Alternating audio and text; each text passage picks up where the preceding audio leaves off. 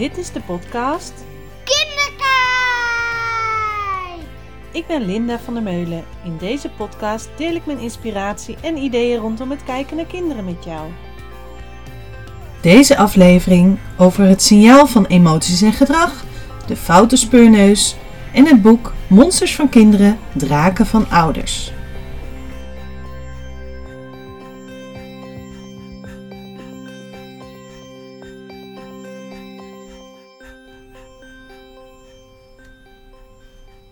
Wat super dat je luistert naar deze allereerste aflevering van het nieuwe jaar. We zijn nu in eh, 2021 en het moment dat ik dit opneem is het ehm, half zeven ochtends. Omdat we midden in lockdown zitten, is het soms ehm, zoeken naar een moment waarop ik dit even rustig op kan nemen zonder gestoord kan worden. En eh, mijn man is op dit moment al aan het werk en Isa ligt nog lekker te slapen. Dus dit is het moment dat ik eh, ongestoord mijn podcastaflevering even op kan nemen. En dit jaar wil ik vooral richten op eh, dankbaarheid, maar ook op focus en balans. En balans wordt het woord van mij voor dit jaar, omdat ik ehm, de dingen die ik wil doen wat meer in eh, balans wil krijgen. En dat is op het gebied van werk en privé, omdat ik ehm, nou ja, wel gepassioneerd ben in mijn werk, eh, sla ik daar soms wel eens in door, kan ik niet meer stoppen. Dus ik wil er wat meer ontspanningsmomentjes voor mezelf inlassen, maar ook meer momenten van mezelf met het gezin. En ook eh, qua voeding, qua sporten, bewegen, eh, overal wat meer balans in krijgen. Ik luisterde laatst een andere podcastaflevering en daar ging het over het witte vel papier. En misschien heb je daar wel eens van gehoord. En dat is als volgt. Stel je neemt een wit vel papier en je zet daar één zwarte stip op. Waar denk je dan waar je op gefocust bent? Kijk je naar het witte vel papier of kijk je vooral naar die stip? Denk eens even bij jezelf na. Want wat blijkt nou uit onderzoek? De meeste mensen zijn gefocust op die zwarte stip. Terwijl er zo'n groot wit vel papier is, kijken de meeste mensen naar die zwarte stip. Nou, je kan dat vertalen naar ehm, als je dus je leven hebt en er zit één zwarte stip, of misschien een aantal zwarte stippen, dingen die niet goed gaan, dingen die niet zo lekker lopen, is het heel vaak dat we daarop gefocust zijn. En daar wil ik dit jaar iets ehm, in betekenen, dat we vooral ook kijken naar het witte. Dus naar wat gaat er wel goed, wat loopt er wel lekker, Ehm, naar wat heb je allemaal nog meer in huis naast dat kleine stukje wat niet eh, lekker gaat. En ik geloof zelf heel erg in positieve psychologie. Dus dat wat goed gaat vergroten in plaats van het focussen op het negatieve. En in mijn coaching zie ik dat ook wel terug als ehm, ik mensen feedback moet geven. Doe ik dat meestal aan de hand van vragen stellen of het focussen op wat wel goed ging, zodat je dat kan uitbouwen. En naar mijn idee zit daar ook uh, de kracht in. Dat je uitbouwt wat goed gaat en dan komen die zwakkere punten of de punten die niet zo lekker lopen, die komen dan wel. Ga uit van je kracht, van je veerkracht, van waar je goed in bent. Nou, een uh, talent wat ik daar eigenlijk wel bij vond passen, en dat klinkt misschien een beetje gek, maar dat is de foutenspeurneus. Want als je kijkt naar dat talent van die foutenspeurneus, en soms vind ik het verschrikkelijk mensen die foute speurneuzen zijn. Want als je die iets voorlegt of iets onder de uh, nou ja, ter evaluatie geeft of uh, feedback vraagt, ze pikken altijd de dingetjes eruit die nog niet kloppen. Of die fout zijn, of uh, die in hun ogen um, anders zouden kunnen. En als je zo dat woord hoort, fouten, speurneus, misschien herken je jezelf wel in. Uh, misschien heb je dat ook wel, dat je je ergert wanneer dingen niet kloppen. Of um, als je zelf werk moet afleveren wat niet voldoet aan de eisen die je zelf hebt gesteld of die een ander heeft gesteld, dat je dat, dat niet fijn voelt. En een echte foute speurneus, die ziet snel dingen die afwijken. Dus fouten in andermans werk, maar ook wel in het eigen werk. Het zijn meestal perfectionistische mensen. Uh, ze houden ervan dat dingen kloppen. zijn altijd uit op verbetering, hoe dingen anders kunnen, mooier kunnen, beter kunnen. En willen graag kwaliteit bieden. Dus het is echt een talent om een foute speurneus te zijn. En hoe vaak je ook ehm, reacties krijgt van nou, is het nou nog niet goed genoeg? Je zit overal altijd, uh, heb je nog commentaar op. Het is heel belangrijk dat je je bewust van bent dat dit een talent is. En wat wel belangrijk is, is dat je er niet in doorslaat. Dus dat je ook ruimte geeft aan anderen. Of dat je niet doorslaat in het perfectionisme of het controlfreak zijn. Dat zijn valkuilen van dit talent. En het kan ook zijn dat je je irriteert aan bepaalde dingen. Dus bijvoorbeeld wanneer je niet serieus genomen wordt, wanneer er niks met je feedback wordt gedaan, wanneer mensen niet op tijd hun spullen aanleveren, dus niet volgens afspraak werken, of wanneer je fouten maakt in je eigen werk en die ontdekt. Maar wat het allerbelangrijkste is, is wat ik net vertelde over dat witte papier met die zwarte stip. Die foute speurneus is niet alleen gefocust op die zwarte stip, maar kijkt hoe die zwarte stip binnen het geheel past. Dus een foute speurneus kan ook prima op de rest van het geheel richten als hij dat wil. Dus welke focus kies jij? En wat daarin belangrijk is, is dat de foute speurneus een omgeving zoekt waarin het wordt gewaardeerd. En dat je dingen doet met mensen die het ook fijn vinden om iets helemaal af te maken. Dus echt van voor naar achter, die zich aan de afspraken houden. En dat kan niet altijd, maar kies daarin je momenten en dingen. Wat daarin ook zo is, is dat wat je aandacht geeft groeit. Dus ben je continu gefocust op die zwarte stip, dus alleen op de fouten, alleen op wat niet goed gaat, dan groeit die zwarte stip. Dan wordt die groter en groter. En als je je focust op de rest van dat witte papier, dus op de rest van het leven, de dingen die wel goed gaan, de dingen die mooi zijn, de dingen die fijn werken, maar ook uh, op het gebied van collega's, focus je je op je collega's op de punten die niet goed gaan, of focus je je op uh, de samenwerking die wel fijn loopt.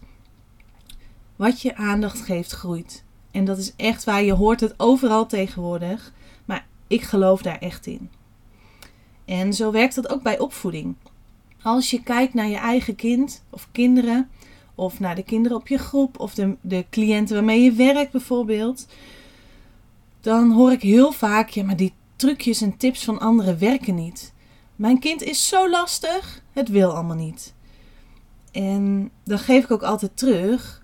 Als je een workshop bij me volgt of als je mijn podcast luistert, zul je dat ook wel ervaren hebben. Ik geef je vooral inzichten waar je zelf iets mee kan of zelf iets mee moet gaan doen. En wat het belangrijkste is, is focus op de dingen die wel goed gaan. Ehm, ik heb zelf ook ehm, een dochter, zoals jullie misschien wel weten. Uh, in een andere podcastaflevering heb ik daar regelmatig over verteld.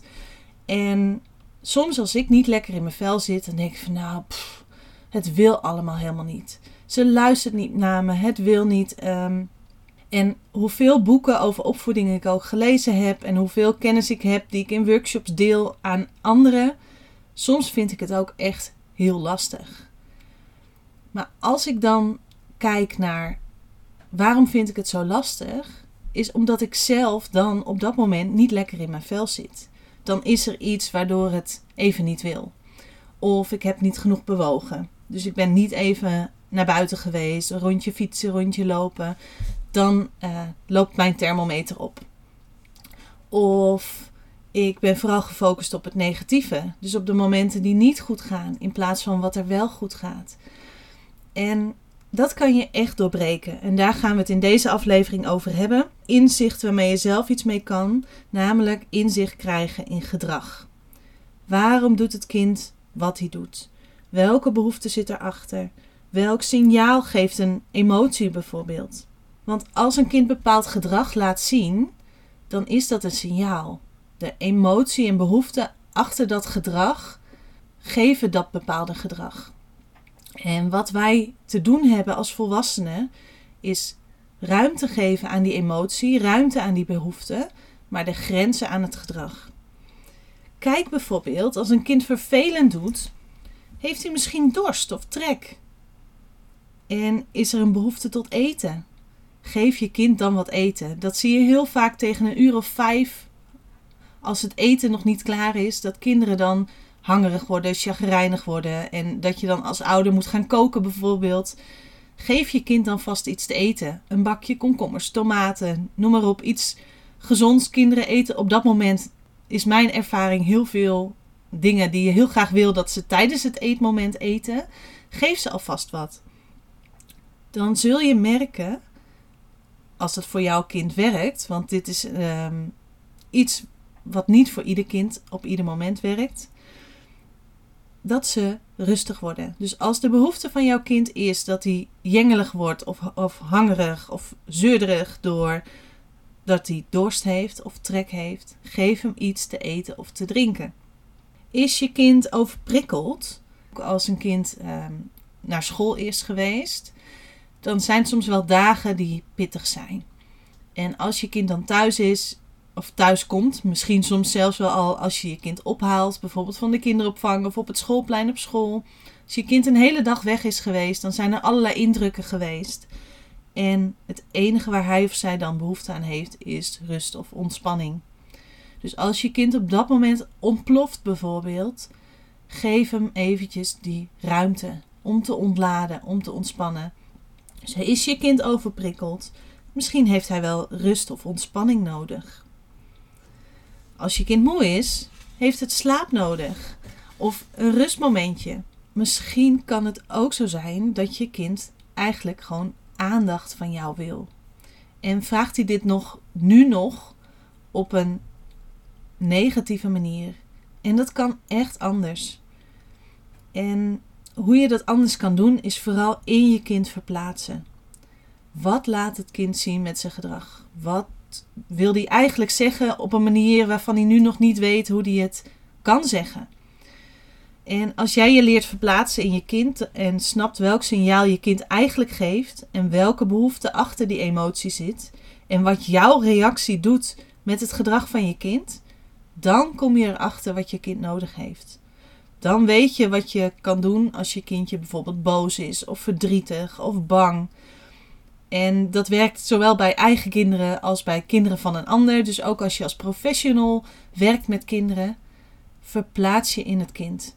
Dus kijk naar de behoefte achter het gedrag, de emotie achter het gedrag, jouw reactie daarop. Dus als een kind moe is, laat het slapen of rusten. Als een kind dorst heeft of honger heeft, laat het eten. Als je kind overprikkeld is, laat het rusten. Als je kind aandacht nodig heeft, Geef hem die aandacht op een positieve manier. En laat het kind zien hoe hij om die aandacht kan vragen. Ik kreeg zelf bijvoorbeeld een keer een tip. Ehm, als je staat te praten met iemand en een kind roept er continu: uh, Mama, mama, mama, mama, mama. Of Linda, Linda, Linda, Linda, Linda. Mag ik nu? Mag ik nu? Dan is dat heel vervelend. En wat ik eerder dan deed, is het uh, negatieve gedrag negeren en maar doorgaan met mijn gesprek. Maar ik merkte bij mij dat dat helemaal niet werkte. Want ik werd continu afgeleid door dat mama, mama, mama of Linda, Linda, Linda. En kon me niet meer focussen op het gesprek met die ander.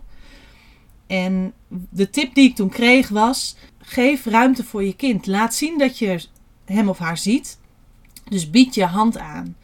En bespreek op een rustig moment, dus niet in die situatie, maar achteraf. Van goh, als je mij iets wil zeggen terwijl ik met iemand anders praat, pak mijn hand even. Dan weet ik dat je iets wil zeggen. En als er dan even een pauze is, dan kan ik jouw vraag beantwoorden. Of dan kan ik naar je luisteren.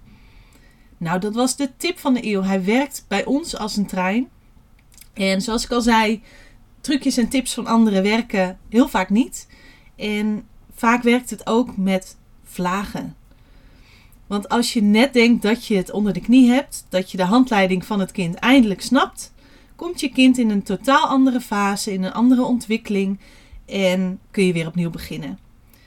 Dus als je het even niet meer weet, blijf kijken naar het kind. Wat probeert hij te zeggen? Wat probeert hij te laten zien? Want kinderen willen heel graag vooral ook gezien worden. Nou, dat, die truc met die hand, die werkt bij ons gelukkig nog steeds. En het geeft mij zelf vooral heel veel rust.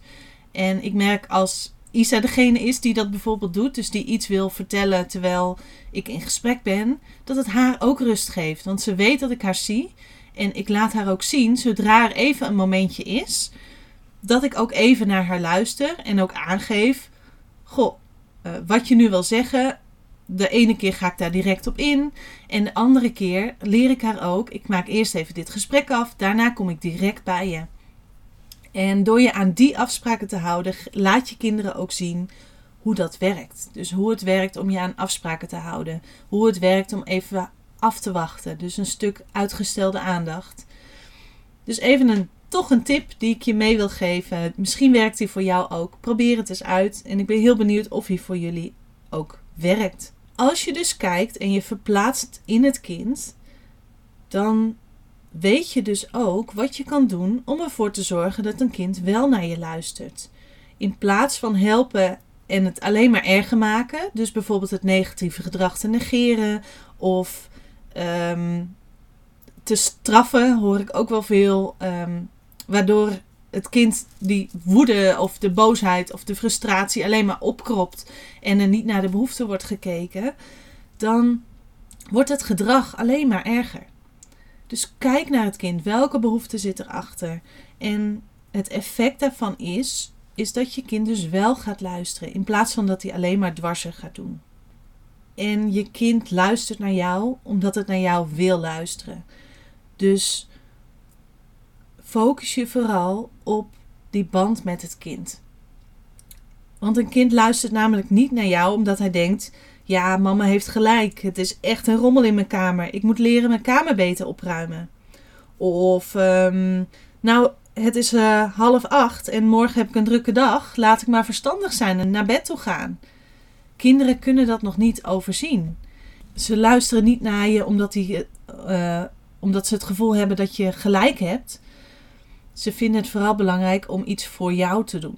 Omdat jij de vader bent of de moeder bent of de begeleider waarbij hij zich fijn voelt. En hoe beter de band met een kind is, hoe eerder je kind bereid is om ook naar jou te luisteren. Dus richt je op die band. Doe leuke dingen samen. Ehm, en vooral ook stel grenzen. Bied duidelijkheid. Want heel vaak zit er achter negatief gedrag dat kinderen behoefte hebben aan duidelijkheid. Dus de behoefte aan duidelijkheid is dat je die duidelijkheid biedt. En als je dat nou eens even vertaalt, kijk eens naar jezelf. Als je een goede band met iemand hebt, bijvoorbeeld een collega met wie je heel graag werkt, of een vriendin waar je het heel goed mee kan vinden, of een vriend waarmee je een goede band hebt, dan zul je veel meer voor die collega doen dan een collega of een vriend of een vriendin met wie je het niet zo goed kan vinden. Dan ben je, is je bereidheid veel groter. En wat ook belangrijk is, want heel vaak zit er ook een stuk van jezelf in, is als jij leert hoe je je eigen emoties en frustraties onder controle hebt. Dus dat je zelf ook niet ontploft als je kind negatief gedrag laat zien. En als je bereid bent en in staat bent op een rustige manier je grenzen te laten uh, horen, dus kenbaar te maken, dan krijg je veel meer gedaan. Want luister jij naar iemand die tegen je schreeuwt van nu is het klaar, hou op. Of steek je dan eigenlijk in je hoofd een dikke middelvinger op. En denk je van nou, zoek het uit. Ik wil niet meer naar je luisteren. En dit stuk vind ik zelf ontzettend moeilijk. Want soms gebeuren er echt dingen, vooral als moeder, dat ik denk van nou, ja, zoek het even uit. En ik schreeuw ook wel eens tegen mijn kind, omdat ik gewoon echt niet meer weet, omdat het me niet lukt mijn hoofd helder te hebben en anders te reageren. Maar ik ben me er wel bewust van. En als ik dan terugkijk, dan merk ik dat het niet werkt. Dus ik ben er ook uh, mee aan het werk om het anders te gaan doen. En anders te willen doen. Als je dit nou zo hoort en je denkt nou, ik moet strenger zijn. Ik wil strenger worden. Don't do it. Strenger zijn is niet de oplossing. Duidelijker zijn wel. Dus kijk vooral hoe kan ik duidelijker zijn. Duidelijke afspraken, duidelijke grenzen. Dat is een heel goed plan. En als je kijkt naar zo'n situatie, dus als je ontploft bent of als jouw kind ontploft is, dan merk je dat je jezelf na zo'n situatie bijvoorbeeld boos of schuldig voelt, of je schaamt voor wat er gebeurd is. Dat geldt ook voor kinderen. Als kinderen ontploft zijn, dat willen ze liever ook niet. Zij voelen zich ook niet fijn om op die manier te uiten. Dus ze hebben echt jouw hulp als volwassene daarbij nodig. En het ene kind uit dat in woorden en het andere kind niet. En schuld en schaamte bijvoorbeeld zijn niet fijne gevoelens om je te voelen. En het zijn wel emoties die bij het leven horen. En het is belangrijk voor jezelf en voor je kind dat je voelt dat, ondanks wat het kind gedaan heeft, je nog steeds van hem of haar houdt. En nog steeds die waardevolle volwassene voor hem of haar bent. En wat belangrijk is, dat het kind accepteert dat je als mens gevoelens hebt. En dat die er mogen zijn. En dat je die gevoelens mag uiten op een manier zonder een ander pijn te doen. En op een gewenste en gezonde manier. En daar kan je kinderen echt bij helpen. Het kan echt anders. En dat ruimte geven aan die emotie, het gevoel en het grenzen stellen aan het gedrag, dat is waar opvoeden over gaat. Dus kijk naar die behoeften en kijk naar hoe het anders kan. En hoe, vooral hoe je anders kan reageren, zodat je aan kan sluiten bij die behoeften, maar niet het gedrag accepteren wat het kind laat zien. Nou, ik heb weer genoeg uh, informatie gegeven en een heel mooi boek wat ik ja, al een hele poos in mijn boekenkast heb staan, wat ik hier wel bij vind aansluiten, is Monsters van Kinderen, Draken van Ouders. En eigenlijk is dit boek een soort uh, kritische blik op opvoeden. En het is niet echt een boek waar tips in staan, maar meer inzichten in um, hoe wij tegenwoordig, maar dit boek is al uh, eh, 15 of 20 jaar oud, maar hoe wij dus omgaan met kinderen. En het gaat wel een stukje over bijvoorbeeld curlingouders of in, over mensen die heel duidelijke grenzen stellen of juist helemaal geen grenzen stellen. Dus iedereen zal zich in dit boek herkennen. Maar het is vooral een boek die je inzicht geeft in wat er gebeurt en hoe het ook eventueel anders zou kunnen. Het is niet echt een theorieboek, maar het is wel een makkelijk leesbaar boek waarin je zo uh, wegleest over het feit van wat kinderen doen, hoe ouders daarop reageren en hoe dat effect op elkaar heeft. Nou, en dat is eigenlijk ook waar het in deze podcast over ging. Dus wat voor impact heeft hoe jij reageert op de ander? Als je een foute speurneus bent, wat voor effect heeft dat op de ander? Dat een ander zich aan je kan irriteren of ergeren. Maar jij hebt die behoefte om die uh, fout wel kenbaar te maken. En dat is juist heel waardevol, waardoor je iets nog beter en mooier kan maken. En dat geldt ook voor ouders en kinderen dat je er met elkaar uitkomt. Dus dat je het erover kan hebben. Dat je ruimte geeft aan die gevoelens en die behoeften. En wel grenzen aan het gedrag. Dus dat je elkaar leert hoe kan het ook anders? Hoe kan het nog beter? En daar wil ik met deze podcast heel graag in bijdragen. Nou, ik wens je heel veel succes en plezier met het uitproberen. En ik ben ook heel benieuwd wat deze inzichten je gebracht hebben.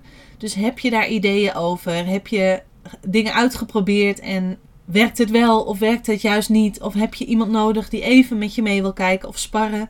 Ik ben geen kindercoach, dus ik uh, richt me niet op dat stuk. Maar ik denk wel heel graag mee. Of ik denk graag mee in wie of wat je kan helpen. Welk boekje je zou kunnen lezen. Of nou ja, noem maar op. Stuur me dan een berichtje. En um, dan wens ik je voor nu een hele fijne dag. En tot gauw. Doeg! Bedankt voor het luisteren van deze podcast. Wil je geen aflevering missen? Abonneer je op deze podcast. Heb je vragen of ideeën voor een volgende keer? Laat het mij weten via www.kinderkijk.com of Kinderkijk op Facebook of Instagram. Denk je dat deze podcast interessant is voor anderen? Laat een review achter of deel hem. Doeg!